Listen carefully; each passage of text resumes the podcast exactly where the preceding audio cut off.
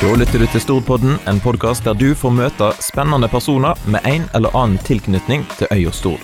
Storpodden er sponsa av Valvatna Bygg, din lokale blinkhusleverandør. 120 år i 2020. Podkasten blir produsert av Kjetil Fyllingen i samarbeid med Sunnhordland, de lokal avis. I dag så har jeg fått besøk av en av de mest profilerte personene på Stord, tror jeg. Iallfall var det ekstremt mange saker som lå inne på sunnhordland.no da jeg var inne og prøvde å finne ut litt om deg. Rett og slett eh, Stord sitt svar på Espen Askeladd, har jeg eh, skrevet her. For at VG har omtalt eh, iallfall karrieren din som et eventyr. Så da tenkte jeg det passer bra. Velkommen til Stord-podden, Jan Kåre Pedersen. Takk, du. Kjenner du deg igjen i den Espen Askeladd-beskrivelsen, eller? Nei, jeg gjør ikke det. Nei. Det har ikke vært et eventyr? Jo, det har jo vært et uh, både oppturer og nedturer, så det har vært et uh, eventyr. Men det har vært ei voldsomt interessant reise fra jeg var 15 år og til jeg i dag er 62, så det har det vært. Sant, og det skal vi få høre mer om i dag. Målet i dag er jo at vi skal bli litt kjent med deg, og, og eh, har jeg utfordret deg på å gi noen gode tips mot slutten om hvordan jeg kan lykkes i næringslivet, for, for der kan vi kanskje si at du du har en del kompetanse på det, for jeg var inne og googla og ser at du sitter jo i ymse styre og stell og har et lass med bedrifter på CV-en. Ja, vi har det, men eh, det, det, er jo forskjell på mange av disse eh, Hvis du ser på en CV, så er det forskjell på hva type selskap du sitter i. Du har jo mange selskap som ikke er folk i, da, men jeg har en eh, ganske god erfaring med å jobbe med folk over lang tid. Det har jeg. Ja. Men for de som ikke kjenner deg så godt, de har kanskje sett deg omtalt i Sunnhordland og, og, sånn, og i ulike saker. Men hvis du skal presentere deg sjøl, kort fortalt, hvem er Jan Kåre? Ja, det er vel òg eh, en komplisert sak, for det er jo så mange meninger om det. Men sjøl så mener jeg jeg er en ganske jordnær og enkel kar ifra fra Bjelland og Rommetveit. Jeg ble jo født i Bergen, men har jo bodd på, på Stord hele tida og vært når jeg har jobba, så jeg er forholdsvis enkel å ha med å gjøre direkte. Eh, ganske åpen, muligens litt for åpen. Men har du noen gode minner fra oppveksten på, på Rommetveit? Vi, vi, pleier ofte å ta den tilbake igjen til oppveksten og dele litt. Eh, har du noen, eh, noen, Vi har hatt folk her som har fortalt om at de har sprunget etter sauer til sauen død og sånn. Jeg vet ikke, Har du noen gode historier? Nei, jeg har ikke det, men det har jo, vi har jo gjort det som alle andre har gjort med vi vokste opp. Når jeg bodde på Bjelland, så var det jo eplesleng, og på Rommetveit så var det jo fotball og trottmiljøet. og utrolig mange gode eh, historier derifra som muligens ikke trenger være på denne gjeteren, men eh, det var vel som en vanlig oppvekst med voldsomt mange gode kamerater og eh, godt miljø man vokste opp i. Yes. Og så har du hatt uh, ulike roller i arbeidslivet. Hvor hen, uh, starta det hele? Stemmer det at det var som, som hjelpearbeider og montør i Televerket? Ja, jeg fikk sommerjobb som grøftegraver i Televerket på, på Stord da. Og så gikk jeg derifra uh, til på utdanning i, innenfor teleyrket i Bergen, og så ble jeg ansatt som telemontør på Stord. Videre da, så etter en viss tid da, så jobba jeg med feilretting, og har vel besøkt stort sett 80-90% av alle husstander i Sunnhordland i de dager, ja. da når jeg da reiste rundt der. Så jeg var jo rundt om utrolig mye på Tysnes, Bømlo og Stord, Fitjar. Var det masse feil å rette på? Ja, spesielt eh, Spesielt når, eh, når, det hadde vært torevær og andre ting, og mye dårlige kabler, men det ble jo gradvis bedre i forhold til at ting ble skifta ut. Så har du hatt en spennende reise fra telemontør og denne feilrettinga til å være bedriftsleder, og som nevnt så, så omtalte VG det som et eventyr i nordisk næringsliv. Du må fortelle litt fra det eventyret. Hvordan gikk den reisa? Den reisa gikk jo at når jeg da jobba i Televerk på Stord, så jobba jeg jo en for dette så eh, Olav Odnanes, som var min sjef. Og Videre så hadde jeg en som heter Gustav Grutlund og jobba på plan og plan, eh, planavdelingen der. Så gikk det slag i slag i forhold til det jeg gjorde der, og så kom jo var jeg jo aktiv i fagbevegelsen. Og var i L- og IT-forbundet, og var da eh, faktisk eh, representant for hele Vestlandet. Og satt i forbundsstyret, og eh, var der i mange år.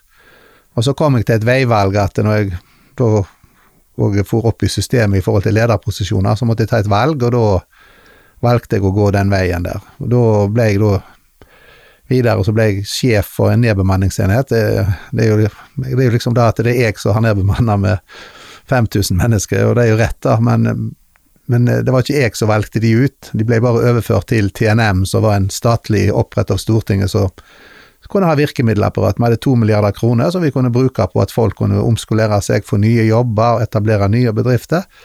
Og det er jo svært spesielt at eh, noen har så gode vilkår når de kommer i en situasjon og arbeidet forsvinner. Men jeg leste på VG der sto det at du ble oppdaga av en Hermansen når du skjelte han ut på et møte.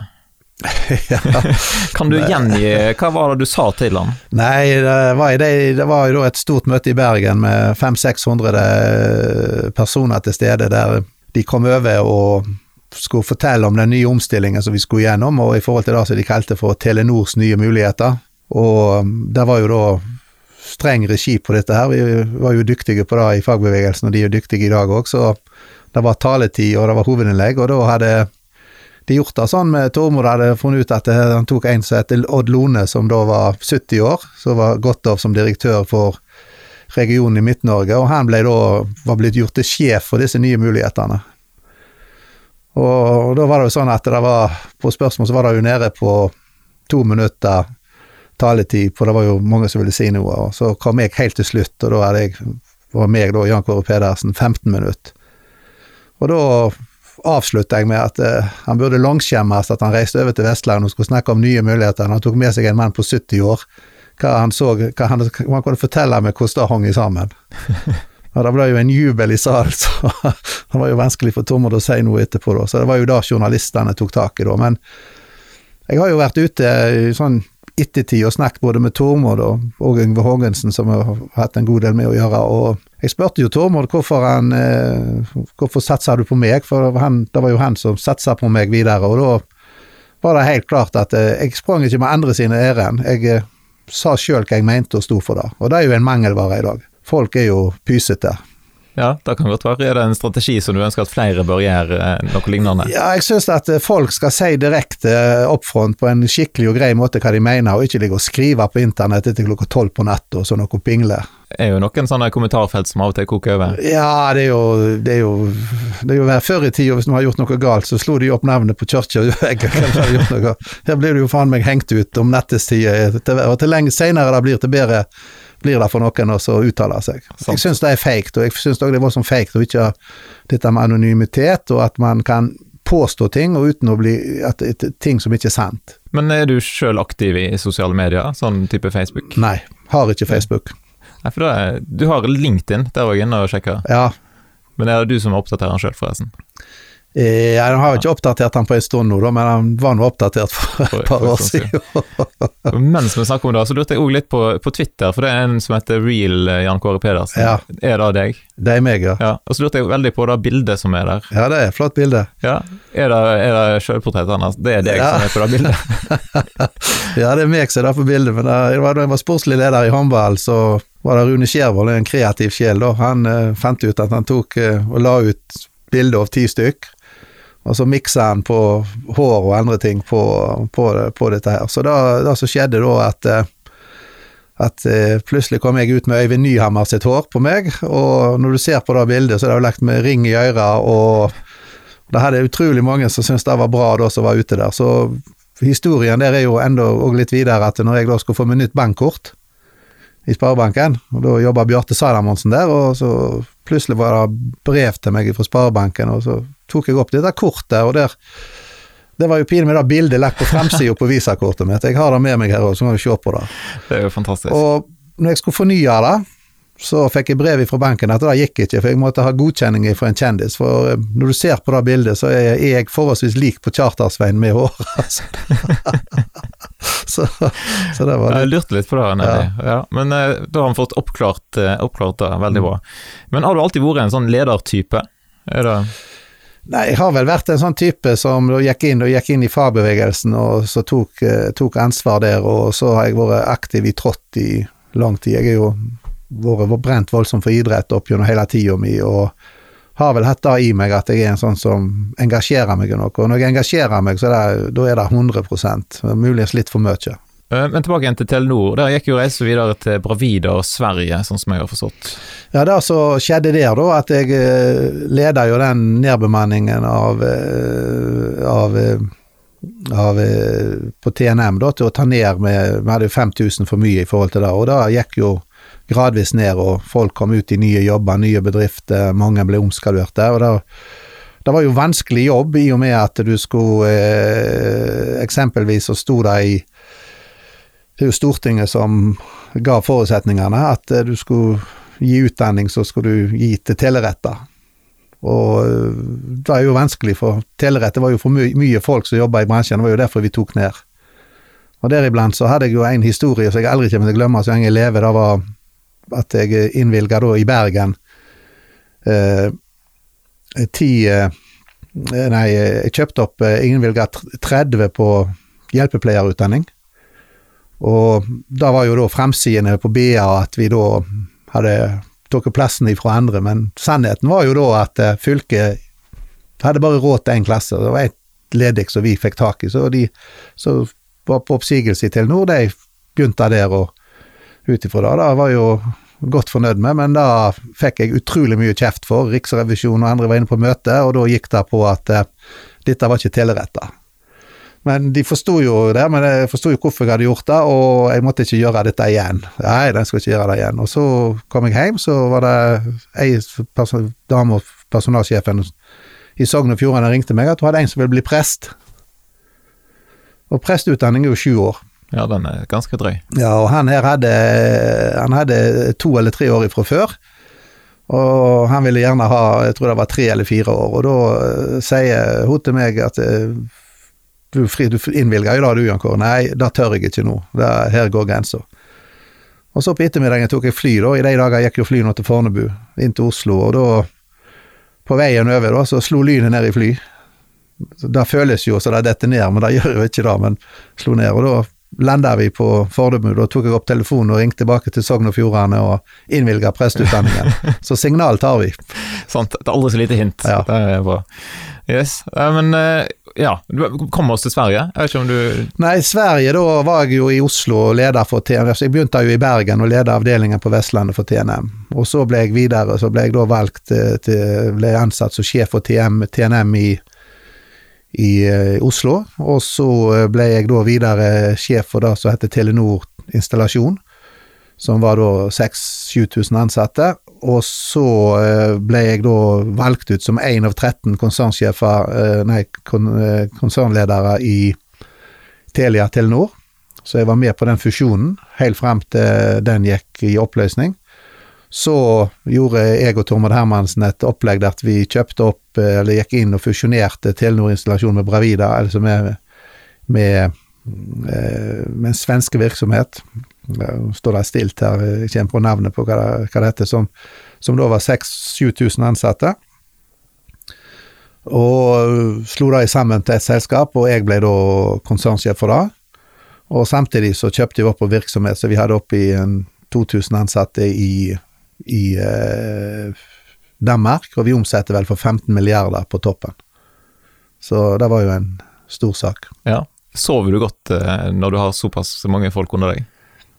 Blir, eh, du, blir, eh, du blir fjern, for det er litt feil å si dette her, men du har jo et lederteam rundt deg igjen, og du har 1000, 1000 formenn, du har uh, utrolig mye mellomledere, og da eh, er det at du, du jobber mye mot finansielle miljø, du jobber mot andre miljø, du jobber mot mange ting, så du kommer ikke inn i virksomheten, og det, det savner jeg jo, for det er jo ingenting som er kjekkere enn akkurat det jeg holder på med nå.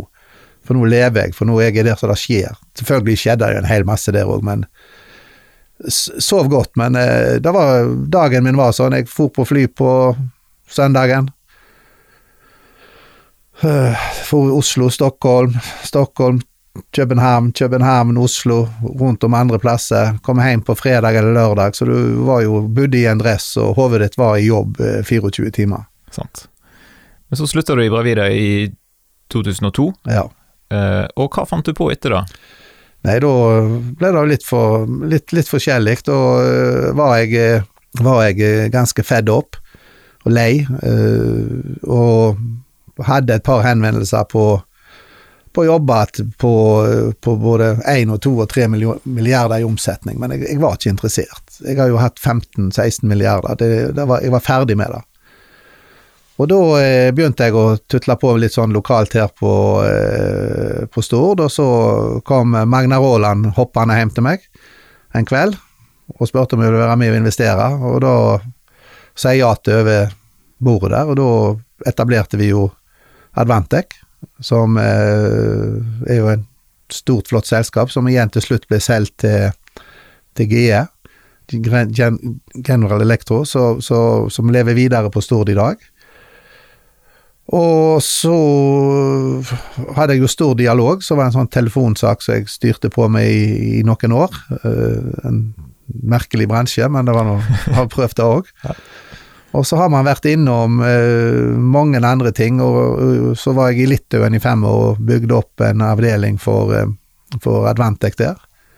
Det var jo utrolig spennende. Nytt land, helt nye ting.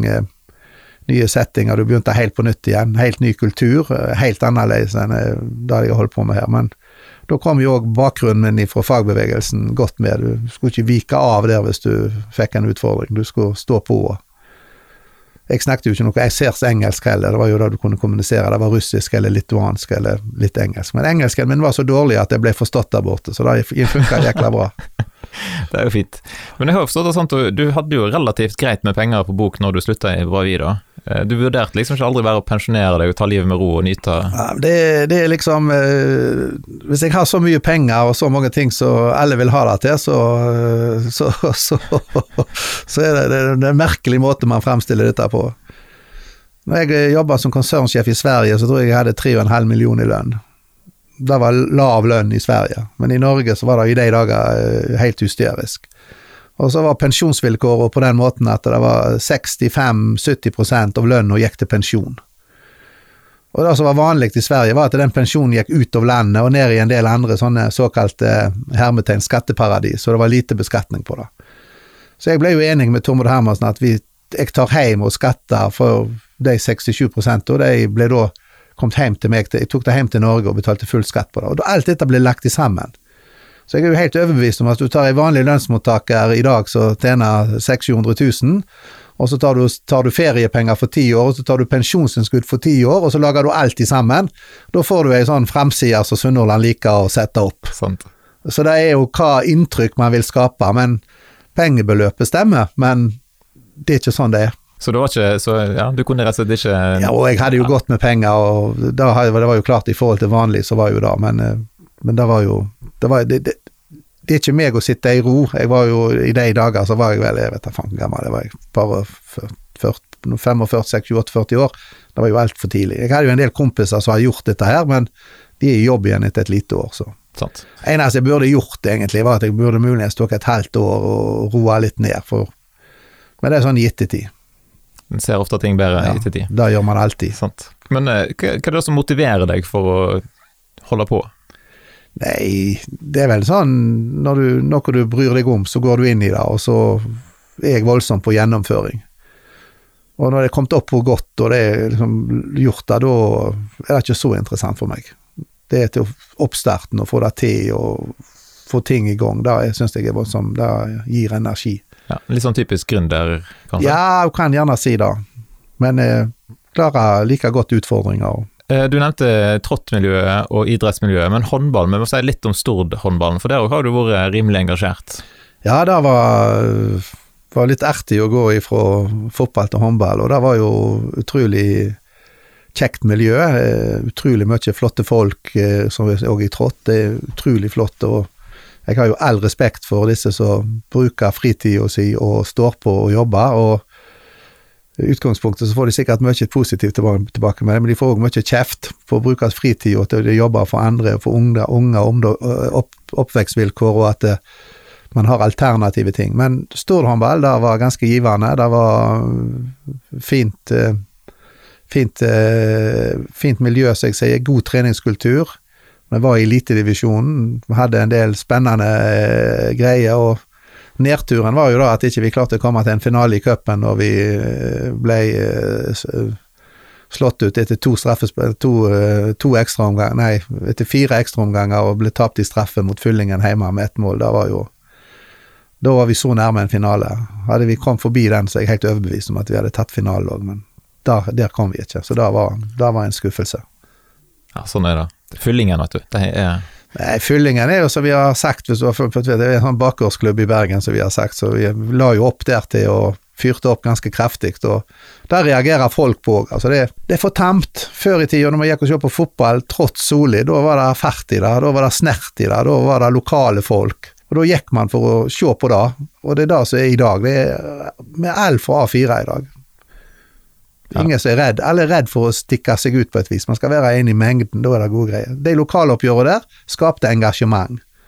Og når vi da hadde 1500 i hælen der etter vi hadde fyrt opp ganske mye mot fyllingen og mot ledelsen der, hva vi mente om de, så var jo da klart at vi gode kompiser. sånn Feltnes er jo en kjempekar, men vi måtte jo lage den showen, den Show, det er litt showbusiness? Det er det det går ut på. og Så må man ikke være så redd for å trampe til med noe, og så er man ferdig med ting, og så går man videre. Sant. Ikke spesielt hårsår? Ikke i det hele. Nei. Men nå er det også i gang med byggingen av Sunnhordland Naturgass. Jeg leste at eh, det fysiske arbeidet har starta nå i februar? Ja, Det har ikke starta, men vi har fått byggetillatelse, og det er jo stort at vi er kommet så langt. Så nå er vi klare til å grave. Ja. Det har vært ganske lang og litt sånn vanskelig vei Uh, før nå det første spadetaket blir tatt. Hvor kom ideen om, om biogass og naturgass ifra? Nei, det, alle historier har jo, har jo en begynnelse en annen plass, så, du, så rett sier så Vi fikk en henvendelse fra SKL om vi var interessert i å kjøpe ut gassnettet og anlegget deres her på, på Stord. Og med i dette tilfellet så er det meg og Magna Råland og Atle Viggum og, og Bjarte Salamonsen. Og da eh, kjøpte vi ut anlegget fra deg, og da satt vi ved et anlegg og alle lurte sikkert på hva vi skulle med da. Og da var jo planen hele vår i forhold til den med biogass som vi ser på som en mulighet i forhold til grønn energi og alt det som skjer nå i forhold til kloden vår, altså hva vi må gjøre, så var dette helt klart for oss at vi gjør det, og så bygger vi en biogassfabrikk. Og så produserer vi vår egen biogass, og så ganske Så har vi fått opp et, en profil som vi syns er voldsomt bra, og som vi tror er forretningsmessig rett både 10 og 20 år fram i tid muligens for evig tid. Så vi tror jo da at med biogasskraftverk det er ting som vil komme mer og mer, og det vil komme i mange forskjellige fasonger. Det vil komme i byggefelt, det vil komme på cruiseskip, det kommer i alt mulig på gjenvinning i forhold til den effekten og det som ligger der. Ja, for Hva er det egentlig biogass er for noe? For det er ikke sikkert, eh, Jeg har jo ikke satt meg veldig godt inn i dette, men jeg har lest litt nå om både, både fiskeavfall og ku... Ja, eh, Det som vi har biogass, da kan du jo lage alt ifra Hvis du tar stopper på gamle Velvatnadungen, eh, Bostongen, og slår ned et rør der langt nok, så finner du sikkert noe metan hvis du, så du kommer opp der, så du kan fyre, fyre på en leiter, og, så, og så er det litt sånn. Så det, det, det, det er egentlig at du får ned eh, utslippene våre, du får en gjenvinning, og i dag så har vi 17 000 tonn med kumøkk som vi skal ta gjennom anlegget. Vi har 4000 tonn med død fisk, og vi har, har eh, slem for oppdrettsanlegg. Du kan ta kloakk, du kan ta matavfall, du kan ta mange ting, men vi har konsentrert oss om fisk og avfall, eller så møk ifra dyr og gris eh, inni her. Og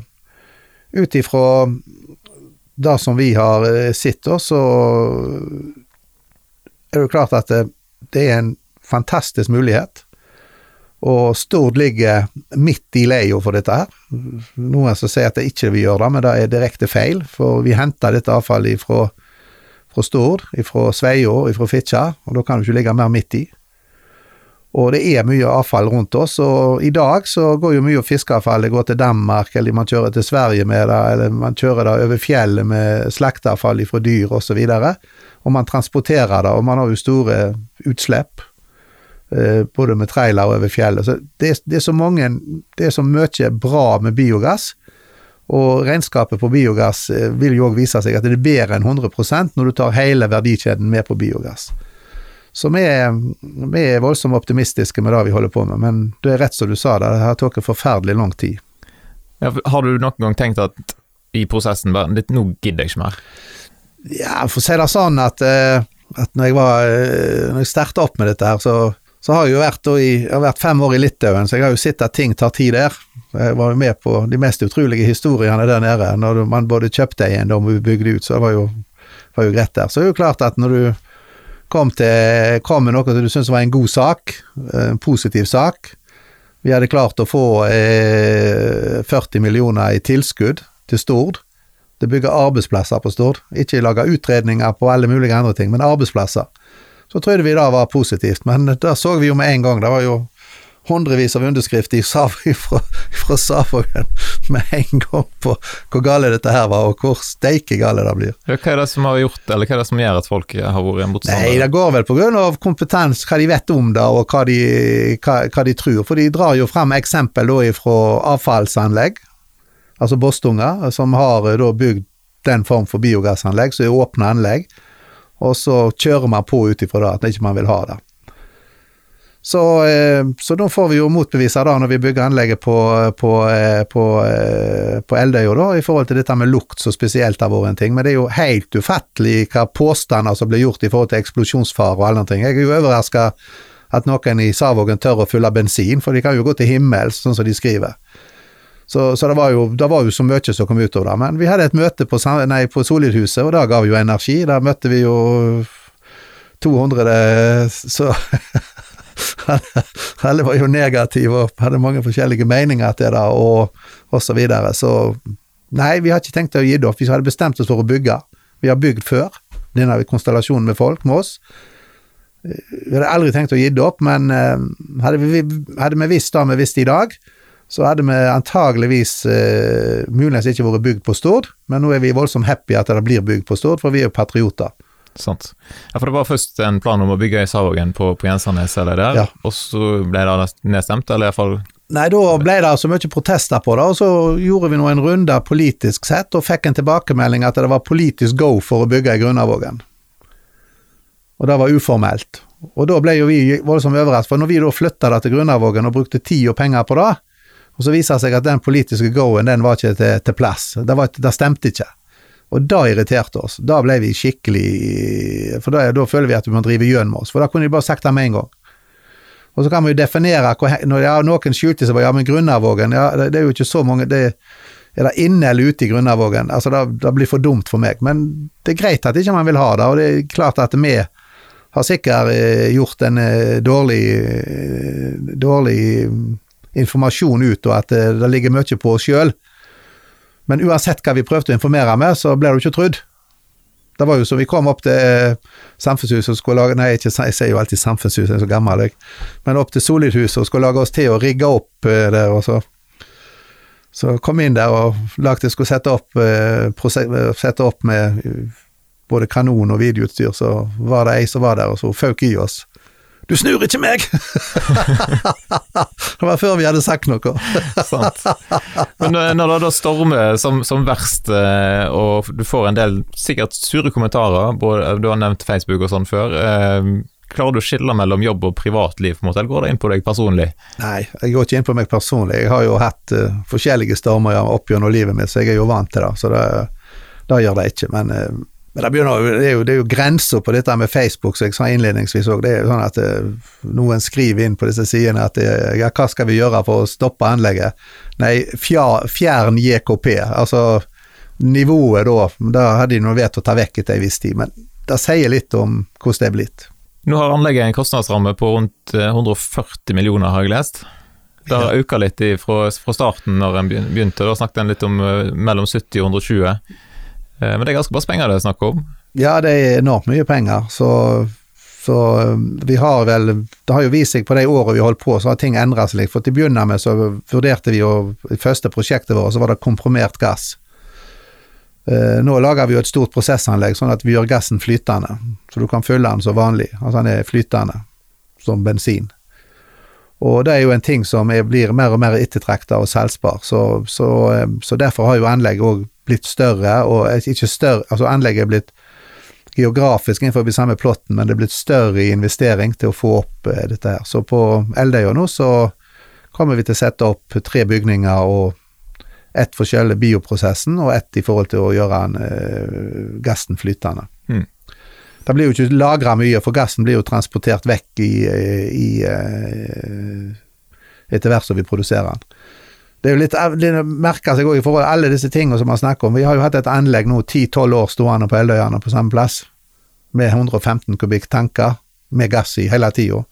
Vi har et ledningsnett på Stord som er 35 km, så det går gass i bakken rundt om. det, er- det, det er ikke farlig, men folk, når du nevner ordet gass, så har folk eh, en del sånne ting som gjør. Propan, som man har hjemme på ei, flaske hjemme på terrassen, så er jo i mitt hode da, så er jo det òg helt idiotsikkert, men hvis det skjer noe med propan, så stiger ikke den opp, han blir liggende nede. Biogassen, eller naturgassen, den går jo opp. Så, så, så så det er jo det er bare til å vite det. Og Holmen i Savågen har vi jo en tanke med propan, vi har hatt den i ti år. Sånn. så, så det blir litt sånn om dette her, men det er jo vår jobb å informere ut om det. Men de som ikke vil ha det av en eller annen grunn, de bruker det de kan. Det de kan. Og så er målet å bygge flere anlegg òg, har jeg forstått? Ja, det vi har gjort, er at vi har jo satt opp litt eh, andre selskap, så vi har jo sikra oss en del rettigheter både på teknologi og utvikling og sånne ting. Så på Stord så har vi jo ganske mye gode folk, eh, enormt gode folk, flinke folk innenfor olje. Og det blir en omstilling, og vi har et selskap da som vil bygge denne type anlegg. Og det Selskapet heter Alltech, og er nå oppe i en 15-16 ansatte som Magna Råland er leder for. Vi er samme eierkonstellasjon bak. Og da er planen at de da skal bygge den type anlegg andre plasser i Norge, ut ifra det vi gjør på Eldøyane. Først bygger de til oss, så skal vi ut og selge den type anlegg og bygge det videre. Og der er vi, har vi ganske mye tro på det markedet i forhold til, til det som ser ut som å leve, og, og hvordan det rører seg i markedet nå. Tenker du bare nasjonalt, eller blir det globalt? Nei, vi trenger globalt òg, men du skal jo nest som alt, du skal først krype, og så skal Ja. du krabbe, og så skal du begynne å gå. Så når du begynner med, så er det nok nasjonalt, men det er helt klart dette er ting som kan eksporteres. Helt klart. Hva tror du at eh, Sunnhordland Naturgass kan bety for Stord og Sunnhordland i årene som kommer, da? Nei, vi kan være med og bygge opp under eh, kommunen sin miljøplan, som ble vedtatt i 2011. Så ligger vi jo rett inne. Det er ikke noe som er mer rett enn det tiltaket som vi gjør med Sunnhordland eh, biogass. Og i vårt hode så vil jo bygga i dag, sånn som det er nå i dag, så utrolig mange kommunale bygg går på biogass. Bussene på Stord ligger helt til rette for at vi får på, på biogass. Du kan få kverner, en del ting av de bruker på biogass. Du kan få oppvarming av store institusjoner som hele skolesenteret og, eh, og sykehuset på Stord på biogass. Og det er konkurransedyktige pris, og det er helt grønt. Så det blir veldig bra når det kommer i gang. Da blir det. Når står eh, anlegget ferdig, på en måte? Har dere noe planlagt en åpen dag der folk kan komme inn og se? Ja, det har vi. Så vi eh, håper at eh, Håper at eh, anlegget skal stå ferdig og begynne med prøveproduksjon første kvartal 2021. Det blir spennende. Det blir spennende, ja. Helt noe annet. Jeg har hørt rykte om at du har sluttet å drikke øl. Vil du kommentere det? ja, det er, det er For jeg nevnte at jeg skulle ha deg her, da var det noen som, eh, som kom med den. Den kommer de nok helt sikkert med, ja. Det mangler bare shetlandsturen min òg, så har du sikkert alt med deg. Tenkte, vi ikke skulle nevne den. ja, det er jo helt opp til deg. Men, eh, men eh, drikke øl, ja. Der var Jeg satt i lag med Gørli, kona mi nede i Spania, og så tok jeg et bilde av meg jeg satt der med en halvliter med øl. Det er vel sju år siden nå. Og så sa hun da at nå er du så feit at du du får finne deg et nytt soverom. Hun sa da ikke det, da. Men eh, da bestemte jeg meg for å slanke meg ned til 100 kilo. Og da kutta jeg ut øl, og det var ikke noe problem for meg. Men for omverdenen var det et kjempeproblem. Ja. Det Hva res respons Nei, det folk er jo altså det, For du er ikke du lik. Det er mye enklere å gå ut og drikke ei øl og så være i lag med resten av gjengen. sant? For, eh, for å ikke drikke i Norge i dag, så er det to grunner. Gravid, eller du kjører bil. Eller skal du drikke.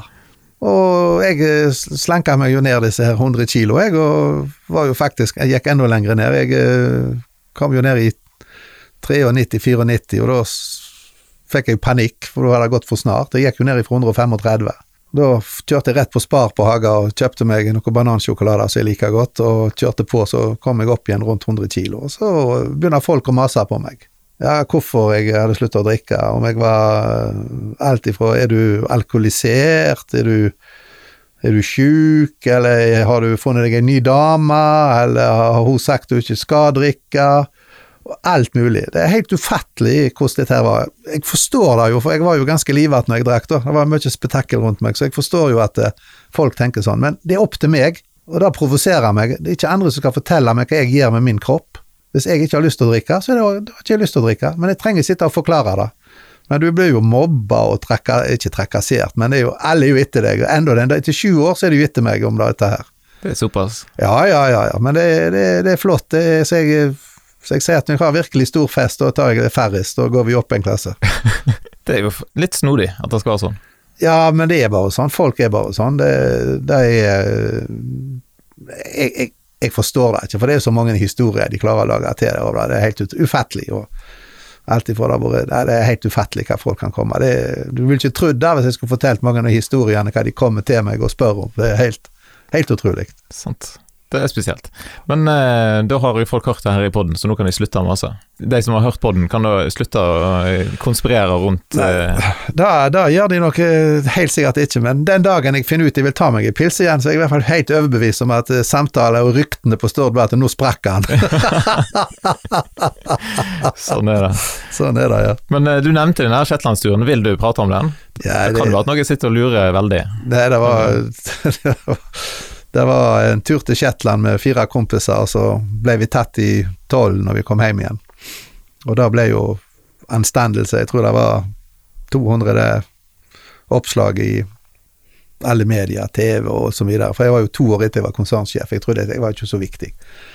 Men da ble jeg eh, tatt med åtte flasker brennevin. Og det ble jo fremstilt som, eh, som helt eh, hysterisk. Og så noe øl, jeg husker ikke hva antallet var. Jeg fikk ei bot på 16 000 kroner. Men vi var jo fire stykk da. Men alt ble jo putta på meg, da, sånn at det stod stort ut. Og det var jo klart at eh, for familien så var jo ikke det noe hyggelig når man da begynner med Man begynner da med følgende historier om at du kan få opptil tre års fengsel. Det står jo på trykk. Fem på gata på Sunnhordland. I forhold til Jan Kåre eh, skulle kjøpe øl. Og nei, han hadde jo penger til å kjøpe De forsto ikke hvorfor han gjorde det, liksom den, den form for settinger. Så det var jo et enormt interesse for det. Og revyen hadde jo kjempenummer i all den tid på, på dette her. Men, men, men igjen så var vi var fire stykker. Vi kjøpte Hadde en kjekk tur, og det er selvfølgelig dumt. Regelverket er jo lik for alle. Det, det, sånn er det. Blir du tatt, så blir du tatt. Så det var bare å legge seg flat for det. Og det var jo så datteren min hadde sagt til meg for kona mi Gulv fortalte jo til ungene at nå kommer det nye oppslag, og da eneste kommentaren til Märtha var da at eh, ofte, Ja, han er ikke den kvasseste kniven i skuffa. så, så det var litt ut ifra det. Men det er jo, noe, det er jo, det er jo sånne ting òg at eh, samtidig med dette her, så var jo jeg hadde jeg gjort en avtale med eh, Oslo politidistrikt, med Killingen, i forhold til å holde et foredrag om nedbemanning. Så jeg sa jeg var litt usikker når jeg kom hjem, men det var sånn og sånn og sånn, og jeg tok da og ringte inn og sa jeg var kommet hjem. Ja, hun hadde lest det, jeg var kommet hjem. Ja, muligens du ikke vil at jeg skulle komme, da, siden denne saken var kommet opp. Nei, jeg måtte komme. Og der ble jo jeg inn, kom inn der da i veka 14 dager etterpå. Hadde en ganske god seans på tre timer om nedbemanning og så videre. Og så, etter det var slutt, og så fikk de for at Vanligvis så fikk de to flasker vin, de som var foredragsholdere her, men i ditt tilfelle så får du få en vase. Så jeg har en vase hjemme som det står Oslo politidistrikt på, så det var det som jeg fikk ut av det da. Sånn. Så. Vi nærmer oss slutten, og i Storpodden der er vi opptatt av å framsnakke det som er bra med Stord, om personer, plasser og positive opplevelser. Jeg sendte deg en, en melding sånn at du kanskje har tenkt litt eh, på hvem, eh, hvem person er det du har lyst til å framsnakke? Nei, det er forferdelig vanskelig. for Jeg kan ikke fremsnakke én. Nei, det er, vet det er kjent eh, problem her i podden. Så ut ifra, det så har jeg mange, da, men jeg har én person som, som betydde mye for meg når jeg begynte å jobbe. og Han lever ikke i dag, men han var en fantastisk mann som tok seg av oss ungdommer som kom når vi begynte å jobbe, og fikk skikk på oss og fikk oss videre. Den heter Olav Odnanes. Så han eh, var en fantastisk person for mange, og han var sjef for oss i Televerket her nede på Stord, og gjorde en kjempejobb med oss ungdommene og i, rundt oss, og fikk oss på den såkalt rette veien videre frem i tid. Så det var en fantastisk sjef, noe av det beste jeg har vært borti. Og så hadde jeg òg en som heter Gustav Grutle, han er en bømling som da jobber på Stord. Ellers så er det jo her på de som jeg jobber i lag med nå, så er det jo fantastisk kjekke folk, de tre-fire karene som jeg er i lag med. En favorittplass da, på Stord? Nei, det er jo Nordbygda. Det er Nordbygda. Ja. Er det noen spesiell plass i Nordbygda, eller være sånn eh, Nei, det, Nordbygda. det, jeg liker meg godt på Rommetveit, jeg syns det er helt fint. Klingen på Ergveien, kaien er flott plass, det er fint. Det er bra. Og en positiv opplevelse som du har hatt, eller som du kan anbefale? Nei, det på Stord, eh, sånn generelt sett, eller ta- jobbmessig. Ta, du kan ta Stord, eller du kan ta jobbmessig. Her står du ganske fritt. Nei, eh, positive opplevelser har vært mange, da, og så sette den ene over den andre, det er, er vanskelig å, å, så, å gjøre. Men jeg syns det har vært voldsomt positivt med med det vi har gjort nå med, med, med biogass. Det syns jeg er en positiv sak, som jeg har voldsom tro på ut ifra det. Selv om eh, dette møtet på Solidhuset kanskje ikke kommer Nei, da, da er det noe av det kjekkeste jeg har vært på på lenge. Jeg fikk jo se Jarl Elsaker igjen. Jeg var overraska over at han var blitt hvit i håret. Jeg var ikke klar over det, så det var jo kjekt. Det er bra. Og så, da, er det sikkert noen som har tenkt å vente lenge nå på de fem beste sånn business-tips, og hva, hva skal til for å lykkes i næringslivet? Nei. hvis, hvis folk vil gjøre som deg. Det er klart at én i det, du må være deg sjøl og gjøre det på din måte. Det er punkt én. Du må aldri prøve å kopiere andre eller være andre. Du må være deg sjøl og gjøre det på din måte. Lurt. Og så må du aldri være verken hobbyadvokat eller andre ting. Du må ha med deg kompetansen som du trenger for å gjøre ting. Og så um, er du hele tida avhengig av å ikke spre deg for mye. Hold fast på det du gjør. Gjenta, gjenta, gjenta. Det er idretten. altså Gjenta, gjenta. Bli god på det du kan. Produser, produser, produser. Og så er det hundrevis av eksempel at når man sprer seg ut og skal liksom gå utover hele greia, da går det ikke. Du kan bli god, voldsomt god på én ting, og så kan du ta neste steg, og så neste steg.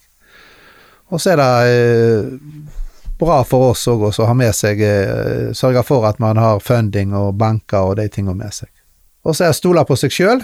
Det er alltid noen som skal fortelle deg hvordan du skal gjøre det, men det er du som sitter igjen med regningen. Så stol på deg sjøl, så gjør du noe som ikke er så så er det bra. Så det er bare én mann eller én kvinne du kan, eh, kan se i speilet, det er deg sjøl. Ja.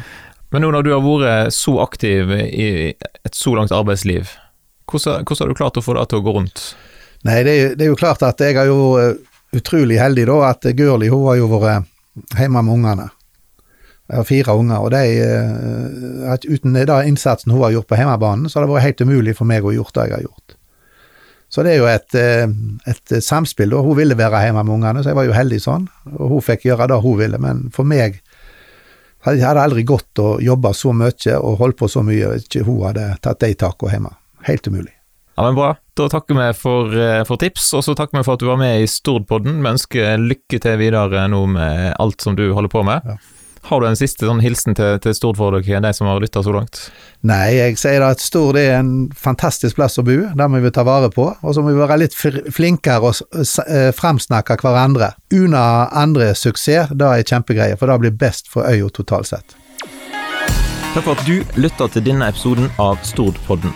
Vi håper da at du vil fortsette å høre på podkasten, og del den gjerne med noen som du kjenner. Og Har du innspill til hvem vi skal intervjue i Storpodden, da er det bare å ta kontakt på redaksjonen et sunnhordland.no.